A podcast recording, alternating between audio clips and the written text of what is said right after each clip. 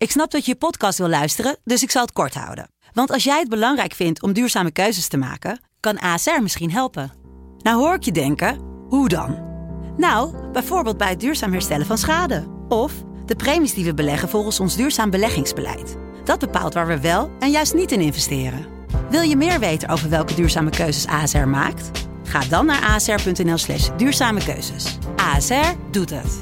Zo, dan kan je nu lekker naar je podcast luisteren. Kroongetuige Willem P.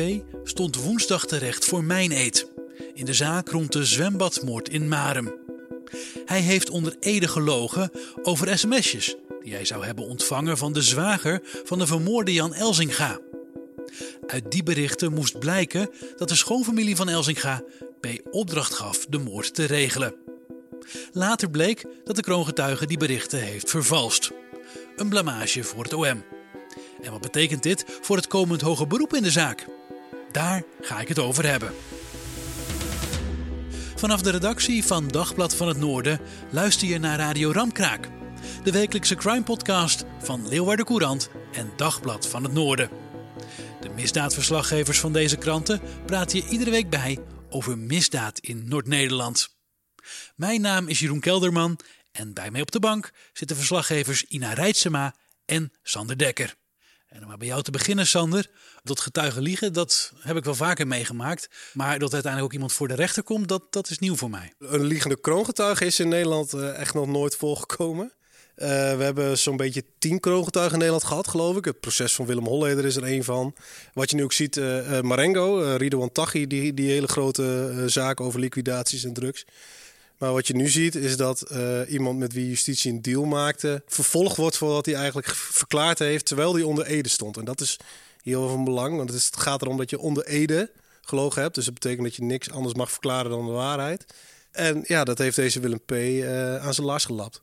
Hoe zat hij erbij vandaag? Ja, dat weten we niet. Want uh, Willem P. heeft gratie gekregen middels justitie... omdat hij die deal gekregen heeft. Ja, want hij zat in de gevangenis, een straf uit voor... Ja. Ja, hij zat uh, 20 jaar uh, celstraf uit. En uh, hij was een paar jaar onderweg toen hij dacht, nou, ik ga het toch maar, maar verklaren. En, hij was de organisator van ja. de moord op Jan Elzinga. Ja, we hebben daar eerder een podcast over opgenomen. Dus als je mensen daar wil, meer van willen luisteren, dan, dan kan dat. Het draait allemaal om de zwembadmoord in Marem, waarbij Jan Elzinga werd doodgeschoten. Ja, correct. Willem heeft die georganiseerd. Die heeft, een, die heeft 30.000 euro gekregen. Toen wisten we nog niet van wie. 15.000 ging naar de schutter, die heeft hij zelf geregeld. En 15.000 ging naar hemzelf. Uh, maar uiteindelijk uh, ging dat best wel uh, snel mis. Ze zijn redelijk snel aangehouden, maar hij hield zijn lippen op elkaar. en drie jaar later besloot hij, ja, ik ga toch verklaren. heb je het over 2016. En dat heeft een poosje geduurd voordat hij uiteindelijk die deal kreeg. en sindsdien zit hij in een getuigenbeschermingsprogramma. Dus hij zat in de kelder van de rechtbank vandaag. Hebben jullie hem dan wel gezien? Nee, Nee, nee, nee, hij komt echt uh, hij komt via een ingang waar wij allemaal het weet niet van hebben. Daar, uh, daar komt hij binnen. En dat is dan in het kader van zijn veiligheid zogenaamd. Hij moet nu anoniem door het leven kunnen gaan. Ja, waar wij geke naar gekeken hebben is een, uh, is een vierkante geluidsbox. Die stond voor waar de voorzitter van de rechtbank normaal gesproken zit. En daar kwam geluid uit en daar moesten ze het mee doen. En de rechtbank moest ook constant naar boven en naar beneden. Bijvoorbeeld als een slachtoffer, nou we komen er straks nog wel op, uh, wilde spreken, dan willen zij dat hoort. Dus dan kwamen ze weer naar boven, gingen ze weer naar beneden, kwamen ze weer naar boven. Dus uh, nee, de stappentellers van de rechtbank en de officier hebben het goed gedaan uh, woensdag. Maar te hopen dat ze een lift hebben in, ja, in de rechtbank. Ja, dat hoop ik wel voor ze, ja. Die is er. Wat eis je nou tegen een liegende kroongetuige als straf? Want ik kan me voorstellen dat dat heel dubbel is. Er zitten mensen in de gevangenis door wat hij verklaard heeft, maar wat dus niet klopt. Of, of is het niet zo zwart-wit? Nou, justitie, de officier van justitie in dit geval, die, die haastte zich ook om zo snel mogelijk te zeggen. Uh, het, hij heeft deels niet de waarheid verklaard. Want even om te schetsen waar het om gaat. Willem P. heeft de schoonfamilie aangewezen als opdrachtgever voor de moord op, op Elzinga. Maar hij wilde meer aanleveren, zodat justitie hem eigenlijk sneller en meer zou geloven. Dus hij deed het voorkomen alsof hij een sms-gesprek had met Marcel, uh, een van de veroordeelden van de schoonfamilie, uh, waarin de moordopdracht eigenlijk besproken werd. Maar dat bleek hij totaal uit zijn duim gezogen te hebben samen met iemand buiten de gevangenis. Kijk, het, het, probleem is niet alleen dat hij dit uit zijn, uit zijn duim gezogen heeft, maar dat hij op het moment dat hem daarna gevraagd is door een rechtbank of door een rechtercommissaris, een onderzoeksrechter in dit geval, heeft hij volgehouden dat het een echt gesprek was. Nou ja, en Ina kan er meer over vertellen hoe het uiteindelijk aan het licht is gekomen. Ja, de advocaat van, uh, van Marcel, eigenlijk de hoofdverdachte, hè, die de boel geregeld zou hebben namens de schoonfamilie, die, uh, die ontdekte aan de hand van die uh, berichten, hè, de sms-berichten, dat sommige antwoorden al waren gegeven voordat de vraag was gesteld. Want Willem P. die heeft dus uh, met iemand anders uh, die berichten in elkaar gezet. Dus iemand anders zat aan de andere kant te appen alsof hij Marcel was. En uh, nou, hij deed dan de antwoorden, maar hij souffleerde hem wel.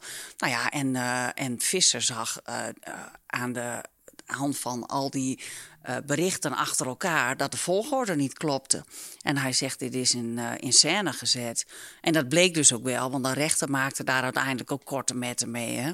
Die zei ook: Dit rammelt aan alle kanten. En uh, nou ja, hij werd dus ook echt als ongeloofwaardig neergezet. En dat is natuurlijk ook een beetje het gekke in deze zaak. Hè, justitie die, die houdt vol dat ze wel achter de kroongetuigen staan als nou, heel waardevol voor dit proces. Terwijl uh, ja, je toch ook kan zeggen van uh, ja, hij heeft toch echt op belangrijke punten gelogen. Ja, maar als het allemaal niet zo erg is, dan ga je hem toch ook niet voor de rechter brengen en vervolgen? Ja, maar ze konden natuurlijk niet anders. Want het was wel duidelijk dat hij had gelogen. Dat, dat bleek ook echt tijdens die eerste zittingen. Dus ja, ja, wat moet je dan doen? Dan kun je niet volhouden. Het is niet zo. En toen heeft Monique als eerste heeft aangifte gedaan. Want zij zit natuurlijk vast. Ze zit haar straf uit. De, de veroordeelden, hè, die uh, zeggen dus ook de schoonfamilie. Wij, wij zijn pas bij deze zaak uh, als verdachte in beeld gekomen. Omdat hij dit verhaal opdiste bij justitie als dat niet gebeurd was, dan hadden wij hier nooit weer in het beklaagde bankje gestaan. Kijk, aanvankelijk, helemaal in het begin, hè, vlak na de moord van, uh, op Jan Elzinga, heeft Monique ook vastgezeten. Samen met Marcel, omdat justitie hen verdacht. Maar er was helemaal niks rond te krijgen, dus zij werden na uh, een aantal uh, maanden weer vrijgelaten. En dat was het. Dus als Willem P. zich nooit had gemeld, dan, dan hadden zij ook nooit vastgezeten nu.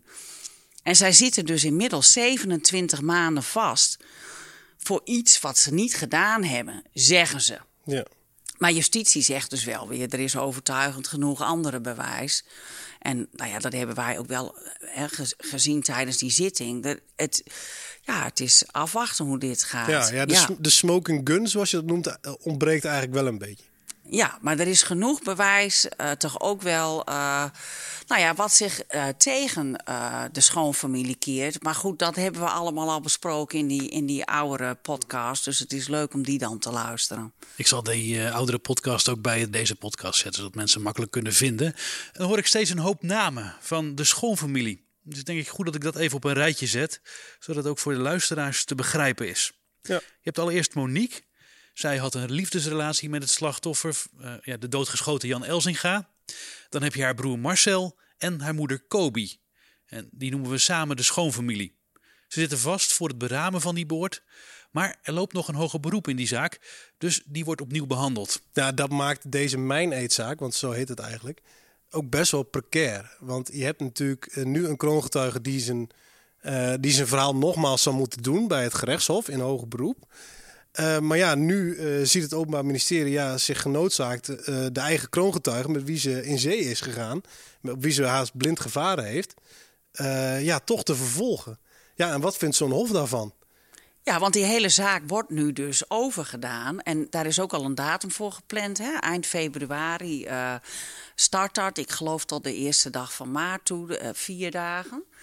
Maar dan wordt dit hele verhaal opnieuw gedaan. En je staat natuurlijk veel minder sterk in je schoenen. op het moment dat jij eigenlijk. Uh, uh, een aangeschoten kroongetuige hebt. Ja. Absoluut. Maar wat ik me dan afvraag is: is dat niet van tevoren dan gecheckt? Of die berichten inderdaad wel gestuurd waren. door, zoals de kroongetuige zegt, door die zwager Marcel? Ja, dat is een hele pijnlijke vraag ook voor justitie.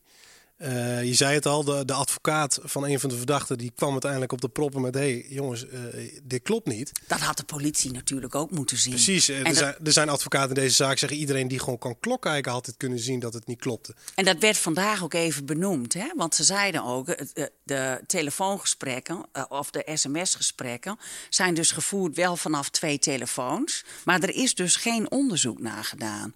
Op de een of andere manier heeft niemand het gezien. En het is natuurlijk een beetje een lachertje dat een advocaat dat moet ontdekken. Ja, maar het is toch ook zo, ik voel me daar eigenlijk ook heel onveilig bij. Want op het moment dat Sander bijvoorbeeld met iemand appt, die doet alsof die Jeroen Kelderman is en vertelt: Ik heb een moord gepleegd, dat de politie dan mij oppakt en dat ik dan door de rechter veroordeeld word op basis van dat valse gesprek. Want dat is eigenlijk hetzelfde principe, toch? Ja, het is heel, eh, heel knullig als je het zo eh, zegt. En de rechtbank heeft het ook best wel hard eh, afgestraft, althans afgestraft. Ze hebben de schoonfamilie natuurlijk wel gewoon veroordeeld. Maar wel gezegd, dit is een ernstige vormfout. En hier had de politie strenger in moeten optreden. Maar tegelijk, het cruwe is eigenlijk dat de officier van justitie eigenlijk ook wel wat twijfels had bij die berichten. Maar op het moment dat die hele kroongetuigendeal eh naar een onderzoeksrechter eh, gaat, want hè, die moet dat allemaal eh, goedkeuren, hebben ze die twijfels een beetje achtergehouden. Ze hebben het gewoon gepresenteerd alsof het echt bewijs was. En toen heeft die onderzoeksrechter gezegd, nou dan mag je meer onderzoek gaan doen naar die schoonfamilie, want het speelt in 2020. Het was de schoonfamilie helemaal niet gearresteerd. Ja, en toen is er een heel onderzoek opgetuigd. We hebben het in die vorige podcast ook al gezegd. Ja, waardoor ze nu al zo lang vastzitten. Ja, en daar zal ook echt, da- daar is een reden voor, hè? want ze hebben heel lang onder de tap gestaan. En dan zie je toch dat de familie die nooit contact had, die dan ineens veelvuldig met elkaar sms't en over vakanties praten. De, de vakantie gaat door, terwijl ze amper met elkaar on speaking terms waren. Dus daar is genoeg over te zeggen. Maar het gaat er natuurlijk om, hè, wat jij, waar jij ook al aan refereert, dat het OM had haar twijfels, maar die heeft dat zelf ook eigenlijk genegeerd. In de En daar had daar ook een belang bij om meer onderzoek Ja, te kunnen doen. In de hoop dat ze nu dan toch die schoonfamilie, die ze dus in 2012 al verdachten, om die dan alsnog, nou ja, eh, voor het hekje te kunnen brengen. Ja, en belangen, dat zeg je eigenlijk precies goed. Want eh, Willem P., de, de kroongetuige, die zei... eh, ja, eigenlijk, ik, kon, er- ik kon er niet meer mee leven. Ik, ik- Nederland moest weten hoe het gegaan was. En daarom eh, ben ik uiteindelijk gaan verklaren. Maar ja, hij zat ook best wel een lange celstraf uit. Had misschien voor zijn gevoel eh, reden eh, om er onderuit te komen... door uiteindelijk over de schoonfamilie te gaan verklaren. Nou, wat je zegt... eh, nog altijd was toen onduidelijk wie de opdrachtgever was voor die moord. Dus het Openbaar Ministerie heeft ook belang om dit zo snel mogelijk, of zo snel mogelijk, maar in ieder geval opgelost te krijgen. Dus ja, je ziet dat bepaalde belangen een kant uitwijzen. Ja, en dan kun je zomaar toch het deksel op de neus krijgen. En dan zie je dat het OM zijn eigen kroongetuige in ieder geval deels moet afvakkelen. Kijk, zijn motief was natuurlijk vooral ook, hij, hij kwam er wel eerder door vrij. Dus de- de- ja, dat, dat, daar mag je natuurlijk heel kritisch naar kijken. Is ook niet meer terug te draaien. Hè? Hij heeft echt gratie gekregen voor 30% van zijn straf. Dus alle heeft hij het hele verhaal wel eh, pom uit zijn duim gezogen. En zijn er hele andere eh, verdachten eh, die, die dit op hun kerfstok hebben. Dan nog gaat hij voor eh, het organiseren van die moord... gaat hij nooit weer de cel in.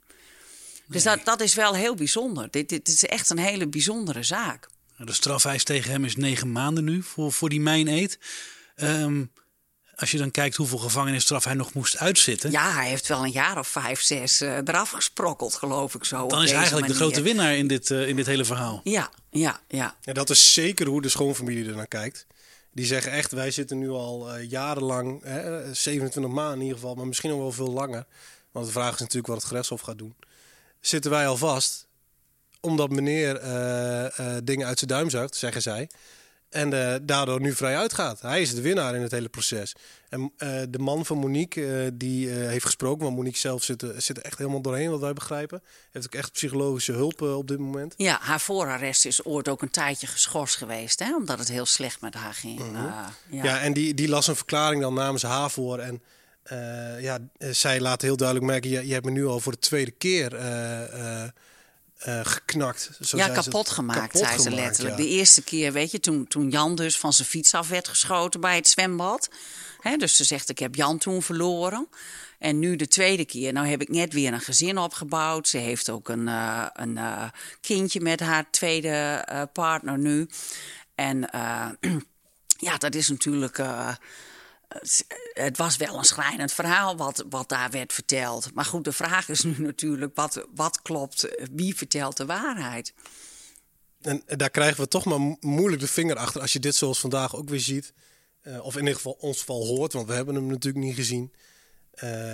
De, ja, dat je iemand hebt die er openlijk voor uitkomt van hè, uh, dit deel heb ik gelogen, maar dat is wel waar. En dat de, de schoonfamilie al tijdens dat proces vorig jaar over bepaalde dingen heel veel zei. Maar op als het moment dat het kritisch werd, hielden ze hun mond weer.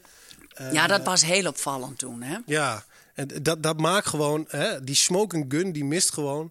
Waardoor je eigenlijk ruimte laat voor, voor dit soort uh, malle dingen. Want laten we eerlijk ja. zijn, het was best wel, best wel gênant. Ja. Voor het Openbaar Ministerie. En dat brengt heel veel ruis in, in het geheel. Hè? Het, het zaait twijfel. Ja, dus ik ben ook heel benieuwd hoe dat uh, straks in februari gaat. Kijk, je kunt er natuurlijk niet omheen dat er wel dingen tegen de schoonfamilie liggen. Hè? De, de schutter wist bijvoorbeeld precies uh, wat voor kleding Jan Elzinga aan had. Nou ja, er is natuurlijk maar één die dat kan weten. Degene met wie, je met wie die in huis woont. Dat is natuurlijk de partner geweest. Want wie heeft anders uh, Jan Elzinga die ochtend gezien om zeven uur? Ja, en de schutter riep toen al van uh, ja, uh, Jan Elzega zou zijn vriendin uh, mishandelen. Ja, en daarom moest hij dood. Ik had geld nodig, dus ik heb het maar gewoon gedaan. Ja, en daar kwam uiteindelijk niet voldoende over na, naar voren in die zaak. Dus is die schoonfamilie weer vrijgelaten. Dus het past eigenlijk wel weer in elkaar wat Willem P. gezegd heeft. Maar ja, ik blijf erbij. Er is nog steeds geen keihard bewijs wie die opdracht nou gaf. Nee, want er is natuurlijk genoeg te vertellen ook over Jan Elzinga zelf. Hè? Die, die liet het erg breed hangen. In, hij zat in de crosswereld, hè, dat was dan zijn, zijn hobby. Maar hij reed altijd op nieuwe motoren. Hij liet het in ieder geval, hij had geld genoeg. En dat kwam nu ook weer even aan de orde. Hè. De vriezer met, met het zwarte geld. Hè. Dus uh, echt uh, vele flappen. Waarmee hij, dus waar, waarmee waarschijnlijk ook zijn eigen moord. ja, toch betaald is. zo wordt dat wel steeds opnieuw gezegd. Is het ook zo dat het bewijs wat verzameld is, hè, doordat het OM een kroongetuige had en dus meer onderzoek kon doen, ja, is dat bewijs houdbaar in hoger beroep? Nou, daar hadden we het nog over. Kijk, ik ben uh, redelijk jonger, maar wat je van oudere collega's altijd hoort, die veel in rechtbanken rondliepen, is dat ze vroeger waren echt veel strenger op dit soort vormfouten, weet je wel. Uh, op het moment dat er al een naam, bij wijze van spreken, in de dagvaarder verkeerd geschreven stond, kreeg iemand al strafkorting. Ja, en bij dit soort slordigheden, dan zou direct de stekker uit een heel proces zijn getrokken. En dan had je het nakijken als justitie. Hè? Dan, dan was het gewoon gebeurd, de hele zaak. Ja. Maar dat is nu toch, uh, dat ligt nu veel genuanceerder. Kijk, en het gaat er nu om, uh, dan, dan kan er nu hooguit gezegd worden: oké, het uh, onderzoek, hè, dat, dat laatste onderzoek, is misschien op verkeerde gronden begonnen. Maar uh, er is daarna wel heel veel bewijs verzameld tegen de schoonfamilie. Ja, waar we dus niet omheen kunnen. Ja. Nee, dat, dat kun je toch ook niet laten liggen. Nee, het stond een veroordeling uiteindelijk niet in de weg. Wat we net zeggen, die, de, de kleding. Uh, ik geloof dat er zelfs een foto... Uh, er was een foto, ja. ja. ja. En dat, dat was vandaag ook wel opvallend. Dat die schoonfamilie, in dit geval als slachtoffers in de zaal zaten. En die eisten ook schadevergoeding. En Marcel eiste 160.000 euro. Uh, Monique 70.000 euro. Allemaal voor het feit dat ze onterecht hebben vastgezeten. En inkomstenderving hebben inkomstenderving gehad. hebben gehad. Maar ja, uiteindelijk, Willem P. heeft dat vonnis niet geschreven. Dat heeft de rechtbank gedaan. Dus de vraag is, op het moment dat je onterecht hebt vastgezeten, is dat uh, te wijten aan Willem P., die in ieder geval voor twee keer uh, onder ede liegen wordt vervolgd? Of moet je daarvoor bij de staat zijn? Ja, en dat gaan we uiteindelijk zien. Als, de, als het Hof ze vrijspreekt, ja, dan kunnen ze bij de staat een, een, een, claim indienen. En daarom heeft de officier van justitie ook gezegd: ja, deze vorderingen, zoals die feitelijk heten, moeten worden afgewezen. Ja. De advocaat van P zei het ook: ja, je moet niet op dit moment bij Willem P zijn, je moet bij de rechtbank zijn ja, Hof. En straks inderdaad bij de staat mochten ze worden vrijgesproken. Ja en, dat, en dat is ook nog maar een zeer goede vraag. We weten het gewoon niet. Nee. Je zei net al, Monique, die was er niet bij. Die zit er helemaal doorheen. Um, haar broer dan en haar moeder, waren die er wel? Ja, die zaten uh, in de zaal. Die werden vanuit een gevangenis uh, naar de zaal, uh, naar de rechtszaal in Groningen gebracht. Ja, hoe was dat? Want normaal gesproken komt de verdachte dus met parketpolitie binnen. Nu de slachtoffers. Ja, die heb ik ook nog niet eerder meegemaakt. Nee, ik heb ook niet heel vaak uh, zaken gehad waar je zoveel advocaten rondom slachtoffers uh, ziet zitten. Want naast dat de eigen advocaten, de strafrechtadvocaten van de verdachte erbij waren, hadden ze nu ook uh, slachtofferadvocaten. die iets meer onderlegd zijn in het vorderen van dat soort schadeclaims. ja, dat, dat, is wel, dat is wel bijzonder. Ja, dat je mensen in de zaal hebt zitten die, die in ieder geval door de rechtbank voor 20 jaar zijn veroordeeld. En die uh, zomaar voor tienduizenden euro's aan claims uh, indienen tegen een kroongetuige. Ja, dat is juridisch gezien echt een hele maffe situatie. Ja, en ook heel bijzonder, want Monique ook in haar, het slot van haar pleidooi, hè, voorgelezen door haar man. Die zei ook van met mij gaat het straks wel weer goed, want ik ben straks weer op vrije voeten. En dat zag je ook wel een beetje aan de houding van Kobe, hè? luchtig en zo van dit komt goed.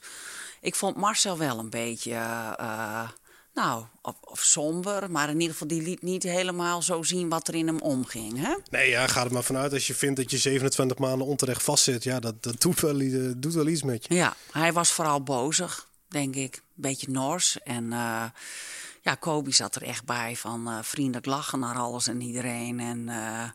ik, ben, ik kom straks vrij. Dit houdt geen stand. Ja, wanneer gaat dit, gaat dit verder? Uh, over twee weken doet de rechtbank uitspraak over uh, Willem P., de kroongetuige. En of hij uh, weer terug de cel in moet.